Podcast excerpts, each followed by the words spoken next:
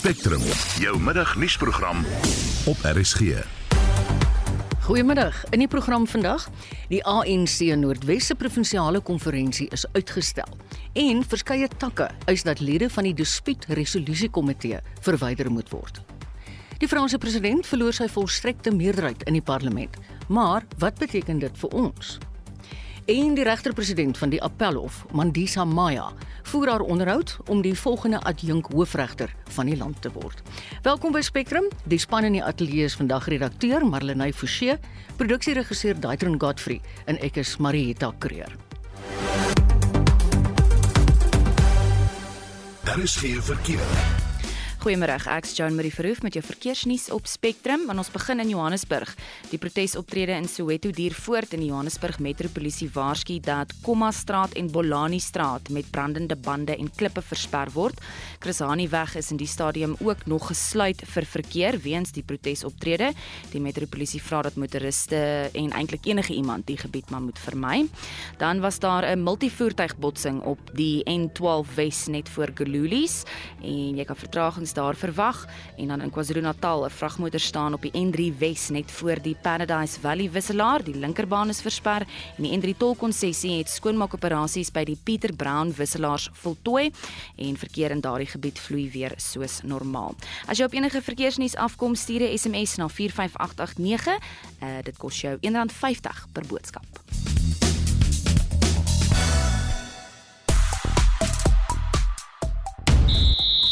Goeiemiddag in sportnuus vandag. Nog 'n Suid-Afrikaanse golfspeler skitter. Die Stormers is as die Verenigde Rugby Kampioenskapskampioene gekroon. Ons kyk vlugtig na cricketnuus en Max Verstappen bobaas in Kanada. Meer hieroor 'n bietjie later. Ek is Christo Gawie vir RSG Sport. Ek is nog steeds Joan Marie en ek is hier met jou sosiale media. Die Hitsmerk Father's Day is al meer as 'n miljoen keer op Twitter gedeel en bly steeds heel bo aan Twitter se lys van gewilde onderwerpe. En BRICS is ook 'n gewilde onderwerp. President Cyril Ramaphosa sal later van dese week by leiers van China, Brasilia, Rusland en Indië aansluit vir die 14de BRICS leierskapsberaad. Jy luister na Spectrum. Elke week saterdag tussen 12 en 1. Welkom terug. Dit is 7:30 minute oor 12. Sommige ANC takke in Noordwes sê hulle verwelkom die uitstel van die provinsiale konferensie. Die takke eis egter dat sommige lede van die ANC se tydelike provinsiale komitee wat op Noordwes se dispuutresolusie komitee dien, verwyder moet word. Hulle word daarvan beskuldig dat hulle bevooroordeeld is. Dit sluit lede in wat om provinsiale leierskap posisies gaan meeding. Estie de Klerk doen verslag. Die 3-dag konferensie sou Woensdag in Rustenburg begin het. Die koördineerder van die ANC se tydelike provinsiale komitee, Slomani Chonki, sê egter hulle is dit eens dat dit uitgestel moes word weens te veel blywende dispute. A total number of dispute lodged with the PDRC stands at 105. Over 20 branches have been ordered to rerun of their BBGMs. The IPC has resolved to postpone the provincial conference to allow for the dispute the resolution process to run its course. The postponement will also pave the way for BBGMs, which have been ordered for the rerun process emanating from the PDRC. Van die takke by die Matlosana substreek in Klerksdorp is bly dat die konferensie uitgestel is, soos ANC ondersteuners Lebogang Lobese van Wyk 7 en Johnny Ndiani van Wyk 5 sê. Firstly, we welcome the postponement by the IPC of the provincial conference, but must also state that we are not uh, happy about the comrades who will be continuing to be the referee and the players at the same time who serve in the provincial uh, dispute resolution committee. There's no way in the world that those people can be neutral and take decisions against the branches that nominated them. There are members, a lot of members that were excluded from the process that need to unfold in our ward. But I think it's a good day for us. Die konferensie sal nou na verwagting eers in Augustus plaasvind. Die verslag is saamgestel deur Patrick Dintwa en ek is Estie de Klerk vir SAK nuus. Ons bly by die onderwerp en praat nou met die navorsingsprofessor aan die Noordwes Universiteit se Sakeskool, Andrei Dievenage. Goeiemôre Andrei. Uh, Goeiemiddag Marieta. Wat lei tot hierdie konflik in die onopgeloste dispute in die ANC in Noordwes? Marietta, ek dink dit gaan nou maar oor 'n lang geskiedenis van konflikte. Ons weet afhangende van hoe jy tel, is die konferensie al 3 of 4 keer uitgestel. Dit gaan oor probleme by takke wat disfunksioneel is en as die takke disfunksioneel is, dan bou dit op na 'n disfunksionele distrikvergadering en éventueel kry jy nie 'n eh, kandidaat te verkies nie. Daar was berigte van faksionalisme, Petery met stemuitslaa, sabotasie van prosesse en so meer. Uh maar ek moet sê dit het vir my as 'n effense verrassing gekom want 'n week gelede was die inligting wat ons ontvang het dat daar wel dispute is, maar dat dit bestuur en hanteer gaan word en dat die ANC sy prosesse in plek het.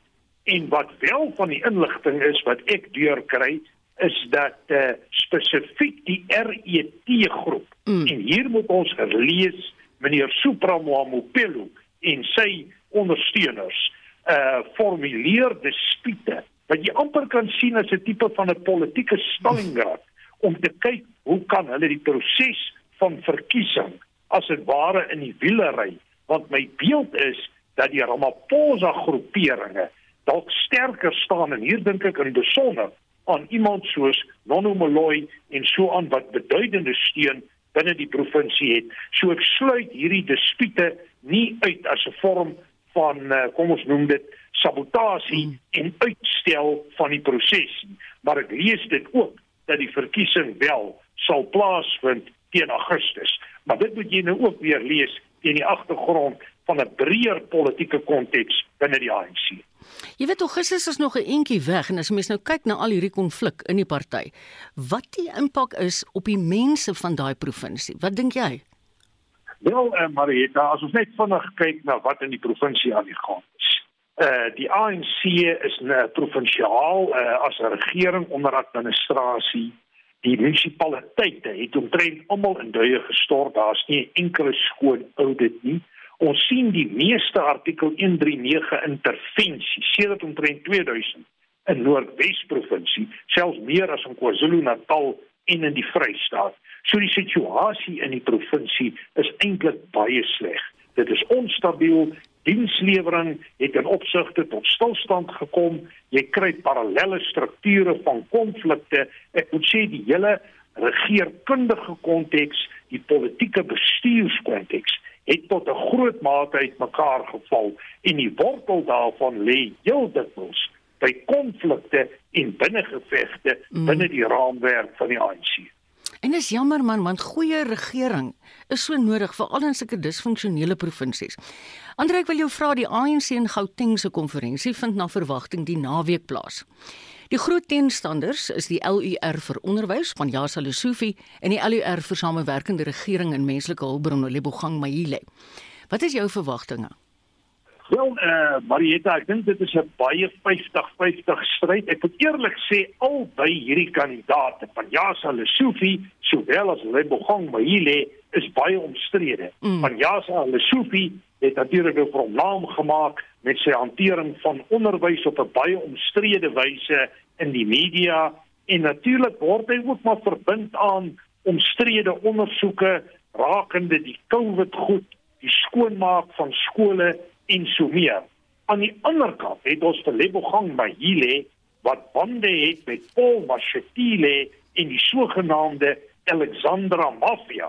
Nou hy is weer die persoon wat die Pretoria Metro onregmatig onder administrasie geplaas het en daar word vrae gevra oor sy respek vir demokratiese strukture en instellings. So beide is redelik omstrede, maar ek dink dit gaan 'n baie 50-50 stryd wees om hier 'n wenner by voorbaat uh uit te noem. Dink ek kan gevaarlik wees. Heel moontlik en dis met 'n baie klein persentasie dink ek het Lebogang Mahile met sy kontak met Paul Mashatile dalk 'n klein voorsprong.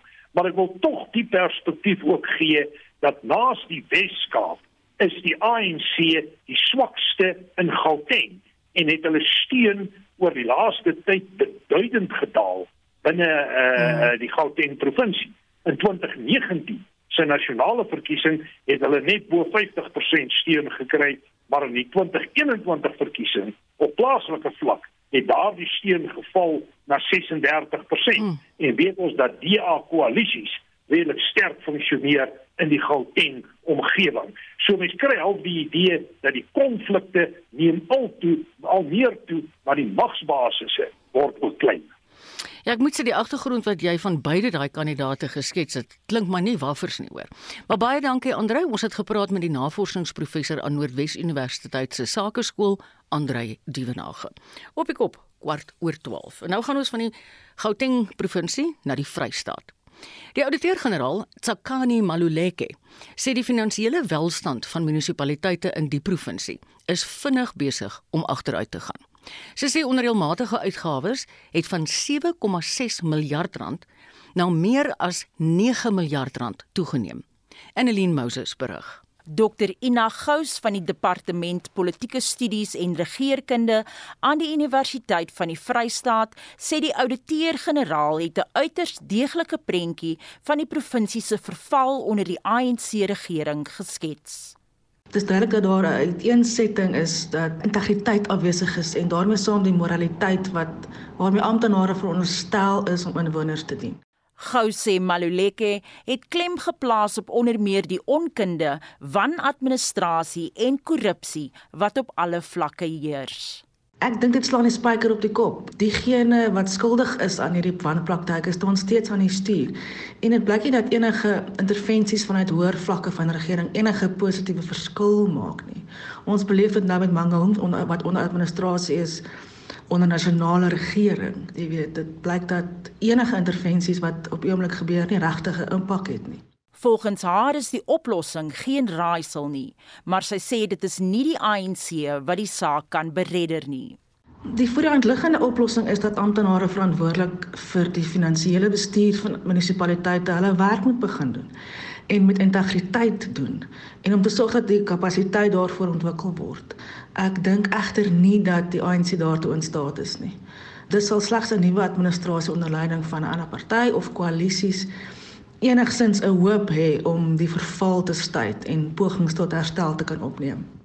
'n Dosent in praktyk aan die College van Besigheid en Ekonomie aan die Universiteit Johannesburg, professor Theo Venter, sê die 254 miljoen rand wat Vrystaatse munisipaliteite aan konsultante bestee, laat die oë rek.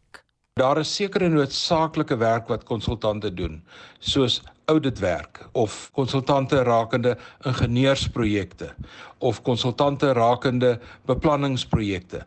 Maar ek dink wat skeefloop in ons plaaslike owerhede is dat konsultante gebruik word en enorme hoeveelhede geld betaal word vir werk wat gewone amptenare in plaaslike owerhede kan doen. Venter sê ook dat die Vrystaat, net soos Noordwes, nou die prys betaal vir die vorige twee premiers se swak bestuursvernuf. Die een natuurlik Ysmakishule en die ander ene Supra Mahemapelo. En die swakheid in die twee provinsies gaan veral daaroor dat baie min munisipaliteite hulle volhoubaarheidstatus kon handhaaf. Daar is enkele munisipaliteite in die twee provinsies. Een is natuurlik Potchefstroom wat nog op 'n mate 'n volhoubare entiteit is. Dit was professor Theo Venter, 'n dosent in praktyk aan die College van Besigheid en Ekonomie aan die Universiteit Johannesburg. Ek is Annelien Moses vir SAK nuus. Verlede week het ons tande geklap hier op die Hoëveld, maar dit begin daarom lyk asof die ergste koue na verlede week verby is. Vir 'n oorsig van die week se weersake sluit Jacqueline Modika, 'n voorspeller by die Suid-Afrikaanse Weerdienste by ons aan. Goeiemôre Jacqueline. Goeiemiddag en goeiemiddag aan al die luisteraars.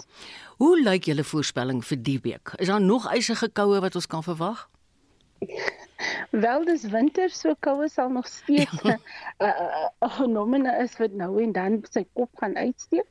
Uh, wat tans gebeur is, is dit 'n afsnylaag wat oor die oor Namibia uh ge, ge, ge, wat tans oor Namibia sit en wat dit doen is dit bring bewolkte en nat weer veral oor die Noord-Kaap.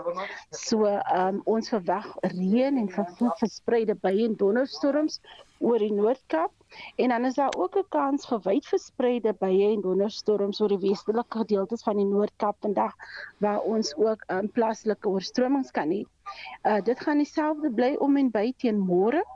Ehm um, dan word die reën nou weer versprei oor groot dele van die Noord-Kaap en dan sal dit nou begin die die die die Vrystaat ook begin ehm um, inhaal en dan het ons daar ook 'n waarskuwing uit vir ehm uh, ewige reën wat kan lei tot plaaslike oorstromings.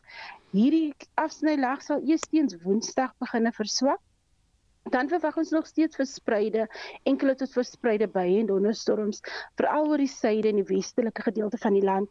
So nou sal die Oos-Kaap ook geaffekteer word, gedeeltes van die Wes-Kaap, nog steeds die Noord-Kaap en dan die Vrystaat en Noordwes provinsie. Teen Donderdag gaan dit nog um, verder verswak En dan verwag ons net um, enkele buie en donderstorms oor die sentrale dele van die land en dan sal die stelsel sistematies begin opklaar. Teen Vrydag is hierdie stelsel heeltemal verswak. Dan verwag ons net gedeeltelik bewolkte toestande en dit sal koeler bly. Ek dink die enigste goeie nuus met hierdie stelsel is omdat dit so bewolk is, sal die minimum temperature um, oor die binneland nie so sleg daal nie. O, so minimum temperature vir nou verwag ons nie 'n uh, ondervriespunt nie. Ek wil jou juist gevra het is daar uitskieters, maar jy het dit nou klaar geantwoord. Daar's hier en daar hoor ek selfs gerugte van sneeu. Is dit net gerugte?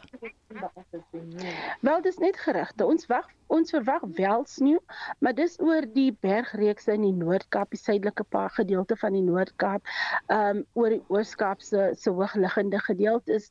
Maar die stories wat rondgaan dat sneeu verwag word tot en met Gauteng, op hierdie oomblik dit is glad nie ehm um, 'n 'n berig wat uitgerig is deur die weerdiens nie. So nee, daar is geen weermodel uh, wat wat wat mm. ons aanduiding gee dat temperature ehm uh, laag genoeg is vir Gauteng om om sneeu te hê as gevolg van hierdie stelsel nie. So ek dink dit mense oor Gauteng en die binneland wat nou 'n bietjie skrikkerig was vir vir, vir bitterkoue weer en sneeu kan nou maar 'n klein bietjie bedaar want die stelsel sal glad nie vir ons sneeu bring so diep in die binneland nie. Jacqueline baie dankie. Ook vir jou sin vir humor. Dit was Jacqueline Modika, 'n weervoorspeller by die Suid-Afrikaanse Weerdienste. Jy luister na Spectrum. Op RSG. Dis 'n paar redes om ingeskakel te bly op Spectrum. Esther de Klerk is gereed met die jongste oorregter Mandisa Maya, se onderhoud om die land se volgende adjunk hoofregter te word. Ons bring jou die jongste vanuit Wene waar 'n kernwapenkonferensie gehou word. En die Olimpiese medaljewenner in branderplankry, Bianca Buitendag, is die nuutste ambassadeur vir Laureus Sport for Good South Africa. Bly gerus ingeskakel. Daar is verkeer. Ons begin in Johannesburg. Die protesoptrede in Soweto veroorsaak groot ontwrigting. In die Jabulani gebied is Komma straat en Bolani straat met brandende bande en klippe versper. Chrisani weg is ook nog steeds gesluit vir verkeer en motoriste word herlei. Die metropolisie vra egter dat motoriste en enige iemand die Soweto gebied eintlik vermy. Verkeer op die N12 Wes tussen Gelulies en Edenvale beweeg baie stadig en dis weens daardie multivoertuigbotsing by die Gelulies wisselaar vroeër en in Tshwane in Montana is verkeer druk op Sefako Mogato Reiland. Dis tussen uh, Eikel uh, Enkeldoring en die N1. En dan in Kaapstad op die N2 stad uit net voor die R300 staan 'n voertuig en die noodbaan is versper. Dis jou verkeersnuus op Spectrum.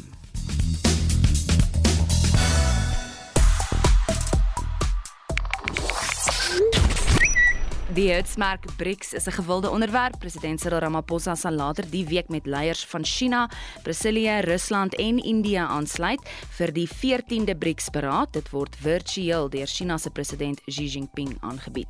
En die Hertzmark Cuba of Kiba begin al hoe meer traksie kry dit nadat die minister van internasionale betrekkinge, Naledi Pandor, bevestig het dat die regering 50 miljoen rand se poeiermelk, blikkies kos, rys, kookolie en ander voedselitems aan Kiba sal skik geskenk om die land in sy humanitêre krisis by te staan.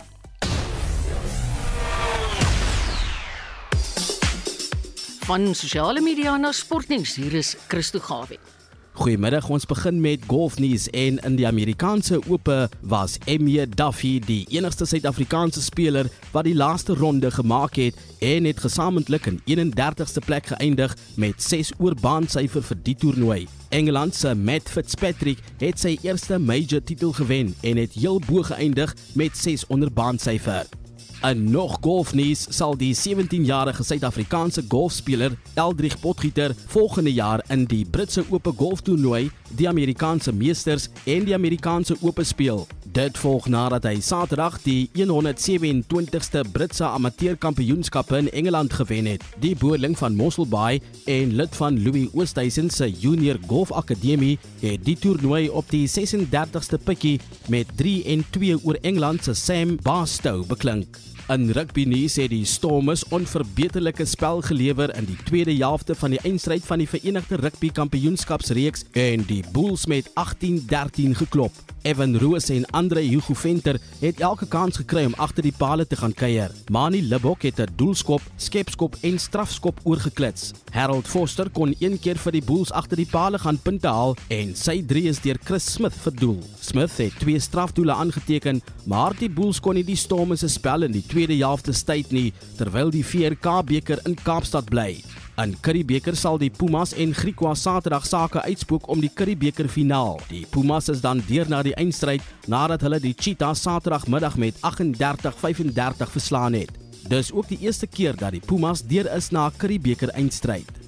In cricketnuus het aanhoudende reën in Delhi gister die 5de en laaste T20 wedstryd tussen Indië en Suid-Afrika aan die wiele gery. Die wedstryd het laat begin en het slegs 2 bilbeerte geduur voordat reën uiteindelik gewen het. Indië kon slegs 28 vir 2 aanteken. Die wedstryd is dus afgelas en die reeks het met 2-2 gelyk opgeëindig.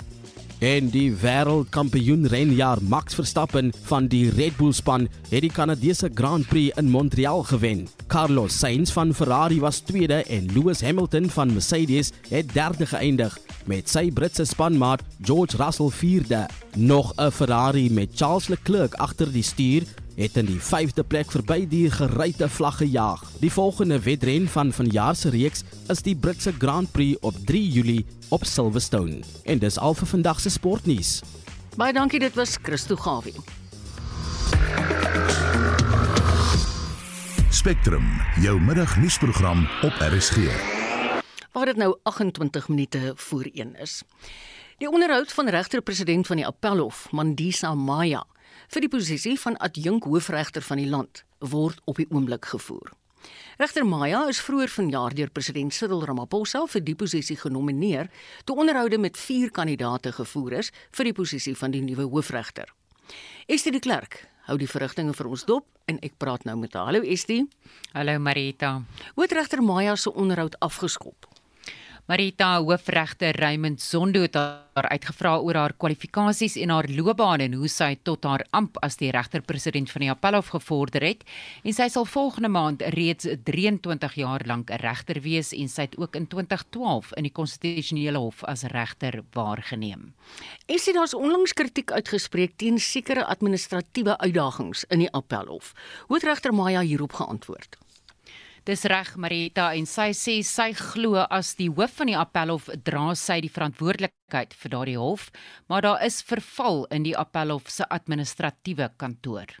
We had these unfortunate incidents which forced me to physically man the registrar's office in the last term. Most of my work was making sure that things are actually done in that office court orders typed and delivered, agent correspondences is attended. Sy is ook uitgevra hoe sy die publiek se vertroue in die regstelsel sal herstel.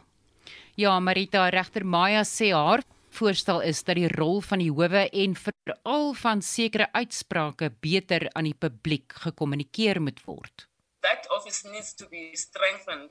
And I had even ventured to propose the inclusion of a judge, perhaps a, a retired judge, to ensure just to play an overseeing role. To my mind, the, the main challenge which has led to many members of our society losing confidence our institution is lack of understanding of the judgments that court deliver Nou regter Maya sê hoewel sy president Ramaphosa se besluite respekteer, was sy wel teleurgestel dat president Ramaphosa nie vroueregters in twee vakante posisies in die konstitusionele hof aangestel het nie.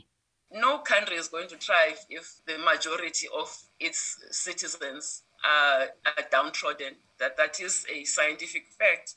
I'm the only woman head of court in this country at the moment, and this body has an opportunity today, you know, to change this dismal picture, at, at least insofar as this one vacancy is concerned. South Africa has never had a woman in its highest echelons.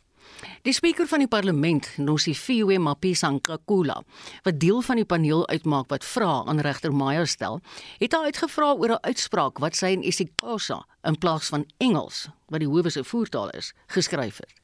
Dis reg Marita en die uitspraak oor die Unisa taalbeleid waarin Afriforum een van die partye was is 2 jaar gelede in isiXhosa geskryf en met die hulp van 'n beëdigde vertaler in Engels vertaal en dus in albei tale gelewer.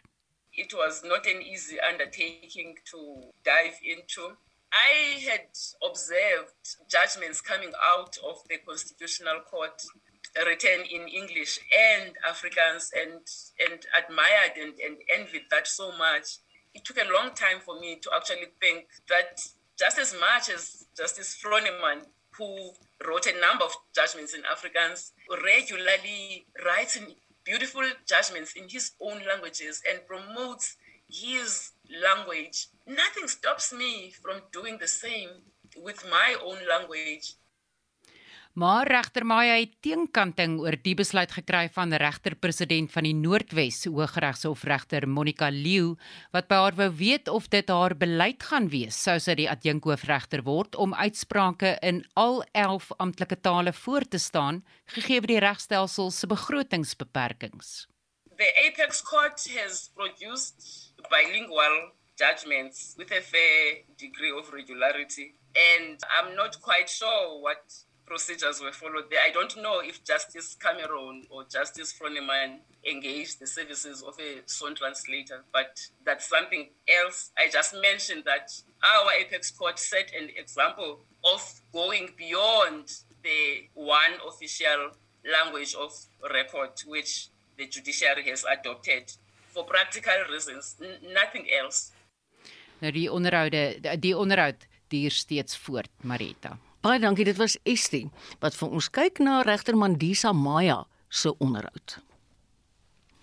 Die DA gaan hulle uitredende skademinister van landbou Anet Steyn met 'n bekwame persoon moet vervang. Die vraag is, watter eienskappe sal die persoon moet hê? Ons het gaan kers opsteek by Agri Noord-Kaap se visiepresident Willem Simington. Die belangrikste is dat so 'n persoon werklik waar erns maak om te skakel met landbou en te presies te verstaan hoe werk die sektor en dit dan sy eie te maak met gereelde skakeling met die landbousektor om te verstaan wat is die knelpunte en die belangrike goed vir die sektor en dit aan te spreek. Nou hoe belangrik is dit vir so 'n tipe persoon om besoek af te lê aan plase en met boere self te gaan praat? Ja, nee, verseker, al is dit dan nie altyd moontlik om met boere op 'n individuele basis te praat nie.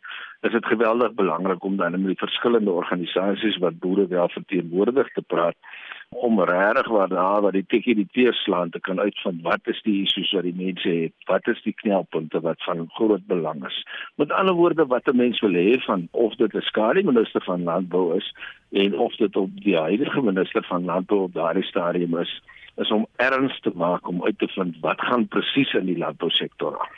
Na jou mening, wie doen meer werk op hierdie stadium van die spel, die skare minister of die huidige minister? Dit is twee verskillende rolle, maar ek moet vir jou sê dat uh, van die huidige minister, minister Tonko Dedisa af, is daar baie goeie samewerking en is daar ook by haar Ek kan mens baie duidelik agterkom dat haar portefeulje vir haar belangrik is en dat sy kundige mense het en dan daar wel gereelde skakeling met die landbousektor is. Dan die rol van die skademinister is bietjie meer van 'n waghondrol om seker te maak dat die minister op haar tone bly en om dan die vraagstukke of die knelpunte wat dalk nie so sterk deurkom nie op die voorgrond te plaas. Wat is vir julle nou prioriteit?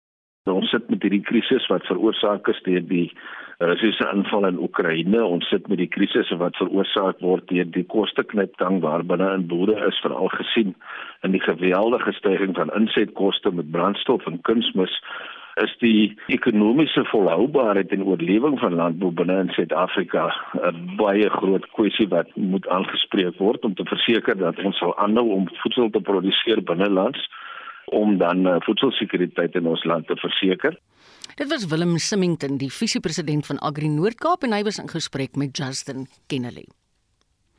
Drie verskillende konferensies oor die impak van kernwapens vind sedert die naweek in Wene, Oostenryk plaas. Verteenwoordigers van verskeie lande, internasionale organisasies, die wetenskaplike gemeenskap, oorlewendes van kernwapenaanvalle en die burgerlike samelewing woon hierdie geleentheid by. Dit poog om gevestigde en nuwe navorsing oor humanitêre gevolge en die risiko's van kernwapens te bespreek. Weer is dit Die konferensie wat die afgelope naweek in Wene plaasgevind het vir verbod op kernwapens is gehou deur die ICAN Forum wat in 2007 die Nobelprys vir vrede gewen het vir die verbod op die gebruik van landmyne. In 2021 is 'n internasionale verdrag deur 'n paar state op 'n verbod op kernwapens onderteken en dit het intussen in werking getree. Die week vind die eerste internasionale konferensie plaas van die state wat die kernwapenverdrag onderteken het. Maar voor die konferensie later die week plaasvind, hou die Oostenrykse regering 'n humanitêre konferensie oor die impak van kernwapens. Die politieke ontleder aan Unisa, professor Joansi van Wyk, woon die konferensie by en het 'n paar notas met ons gedeel. Ons was bevoorreg om te luister na Hibakusho wat bekend staan as die oorlewendes van die atoombomme op Nagasaki en Hiroshima in 1945. Mense wat 4, 5 jaar oud was toe die bomme geval het en hulle belewenis daarvan. Ons het ook aanbiedinge gehad van mense tweede derde geslag van die Marshall Eilande in die Stille Oseaan en ook van Polinesiese eilande in Mikronesië wat dan ook die tweede derde geslag is van byvoorbeeld die Frans Amerikaanse toetse. Frankryk het oor 'n periode van 30 jaar 193 toetse in hulle omgewing gedoen en die gevolg was basies intergenerasies wat met genetiese defekte gebore is, kankers natuurlik wat voorkom en so meer. Van Wyk sê daar was ook sprekers van Kazakhstan en sy verduidelik wat die belang rondom kernwapens is. Kazakhstan was een van die voormalige Sowjetunie state en by die Semipalatinsk kompleks is een van die plekke waar die Sowjetunie van sy kernwapens getoets het. Natuurlik is daar geen kompensasie of rehabilitasie gedoen soos wat in ander gevalle plaasgevind het nie en weer eens is dit 'n effek rondom generasies wat dan beswaar word met die effek van radiasie en blootstelling daaraan. Die laaste toetse oor die impak van kernwapens is in 1996 gedoen, maar die langtermyneffek van kernwapens word steeds in die mens bespeur omdat radioaktiewe materiaal 'n baie lang lewensduur het.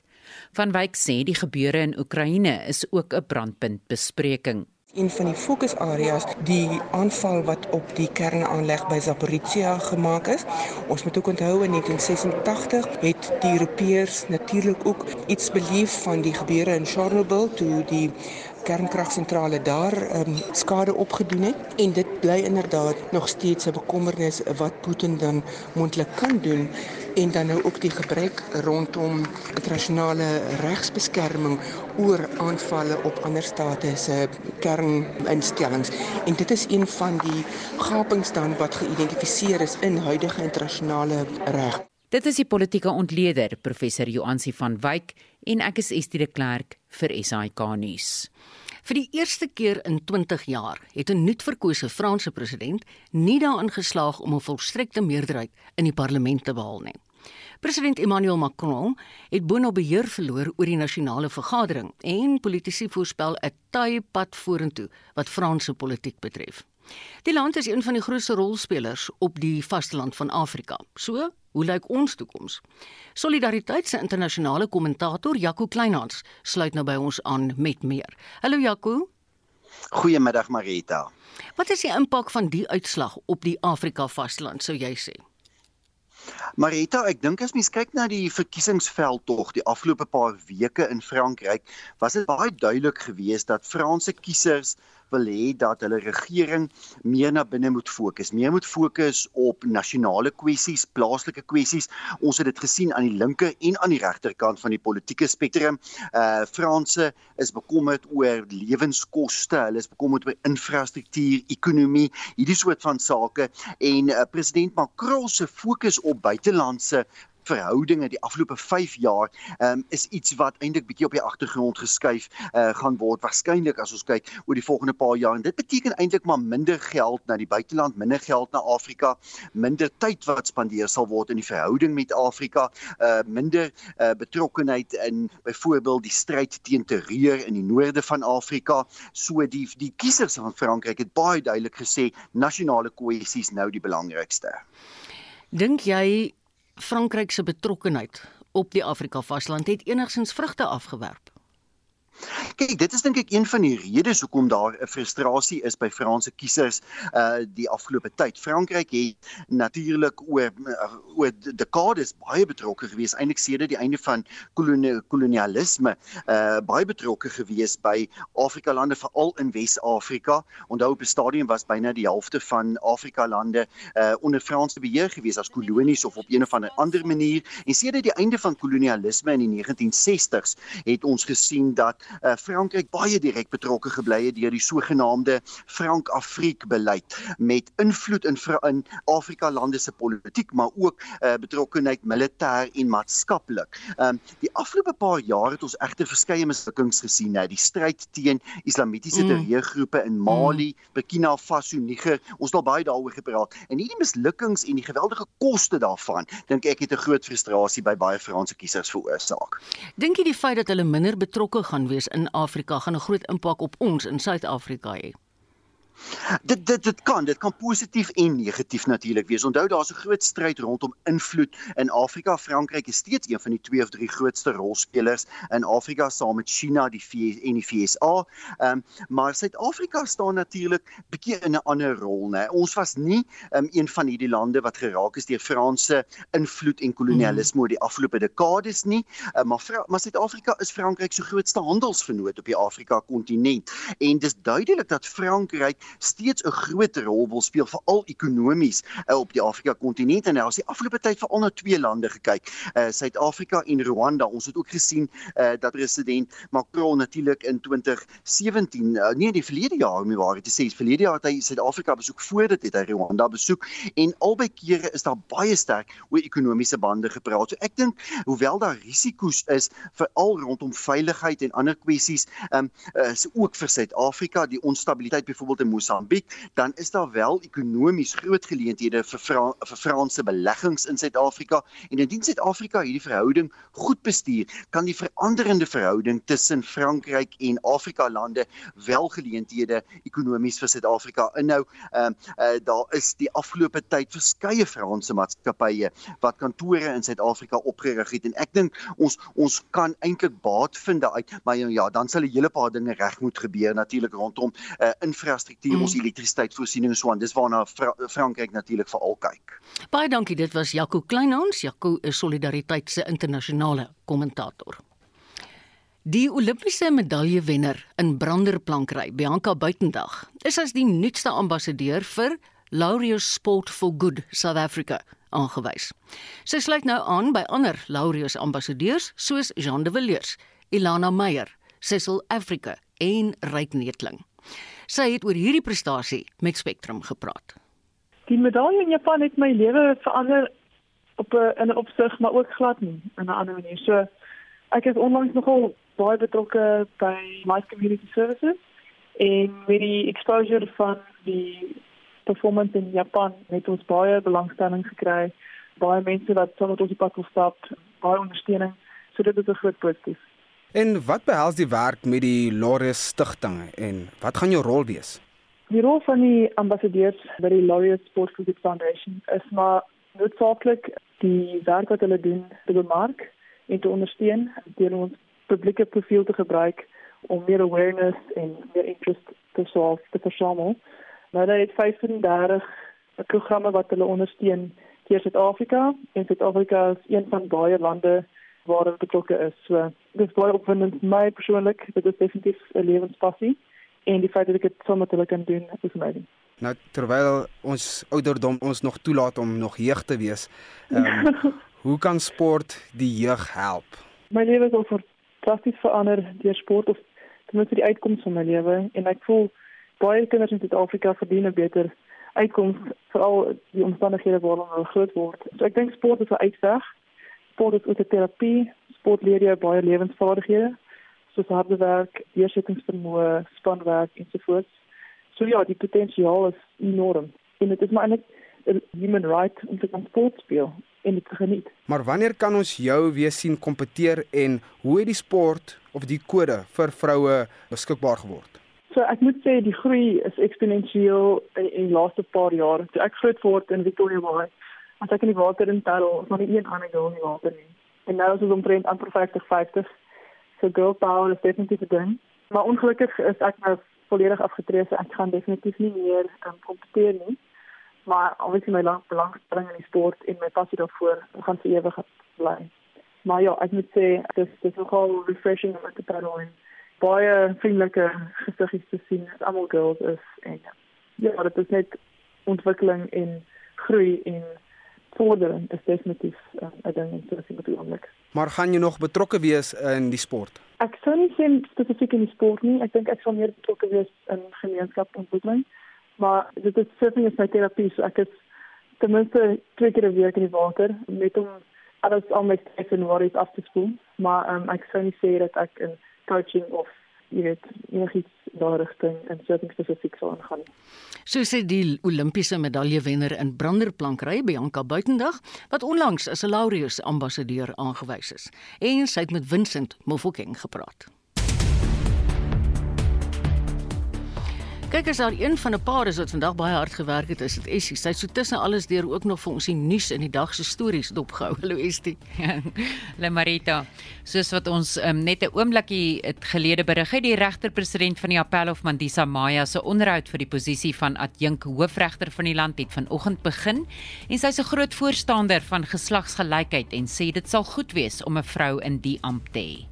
I'm the only woman head of court in this country at the moment. And this body has an opportunity today, you know, to change this dismal picture, at, at least insofar as this one vacancy is concerned. South Africa has never had a woman in its highest echelons. Die ANC Noordwes het sy konferensie wat Woensdag sou begin uitgestel weens te veel onopgeloste dispute. Intussen sal die ANC in Gauteng se konferensie na verwagting die naweek gehou word. Ons het die politieke ontleder aan Noordwes Universiteit professor Andrei Dievenage gevra waar die ANC staan 6 maande voor sy nasionale verkiesingskonferensie in Desember.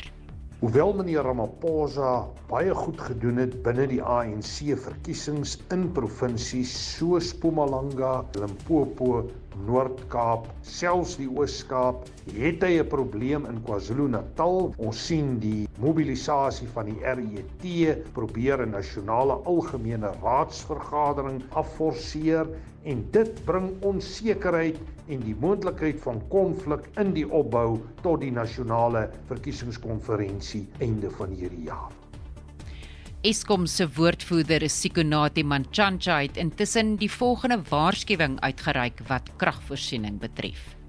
Eskom cautions the public that due to the continued shortage of generation capacity, the power system is very constrained for this evening and for the next few weeks. There are a number of generating units expected to return to service during the day today, but the likelihood of load shedding is high and may be required at short notice. Most likely during the evening peaks between 5 p.m. and 10 p.m.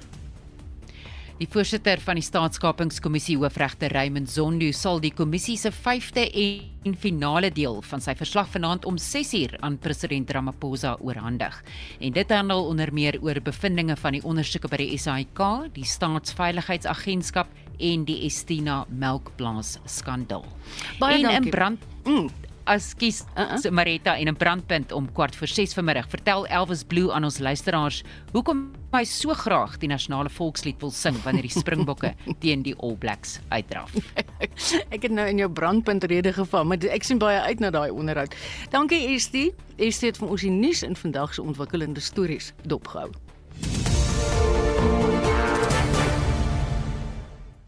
Ja, terwyl hulle nou so spog, hulle sit juis vir ons in wag daar in die Kaapse SAK ateljee van RSG 360 en een hier is al 'n volledige nuusbulletin. Ons program vir die dag, ons uitsendinge tot 'n einde gekom. Ek groet namens die uitvoerende regisseur Nicoline de Wee, vandag se redakteur Marlenae Forsie en die produksieregisseur Daitrin Godfrey. Ons sien mekaar weer 3 uur.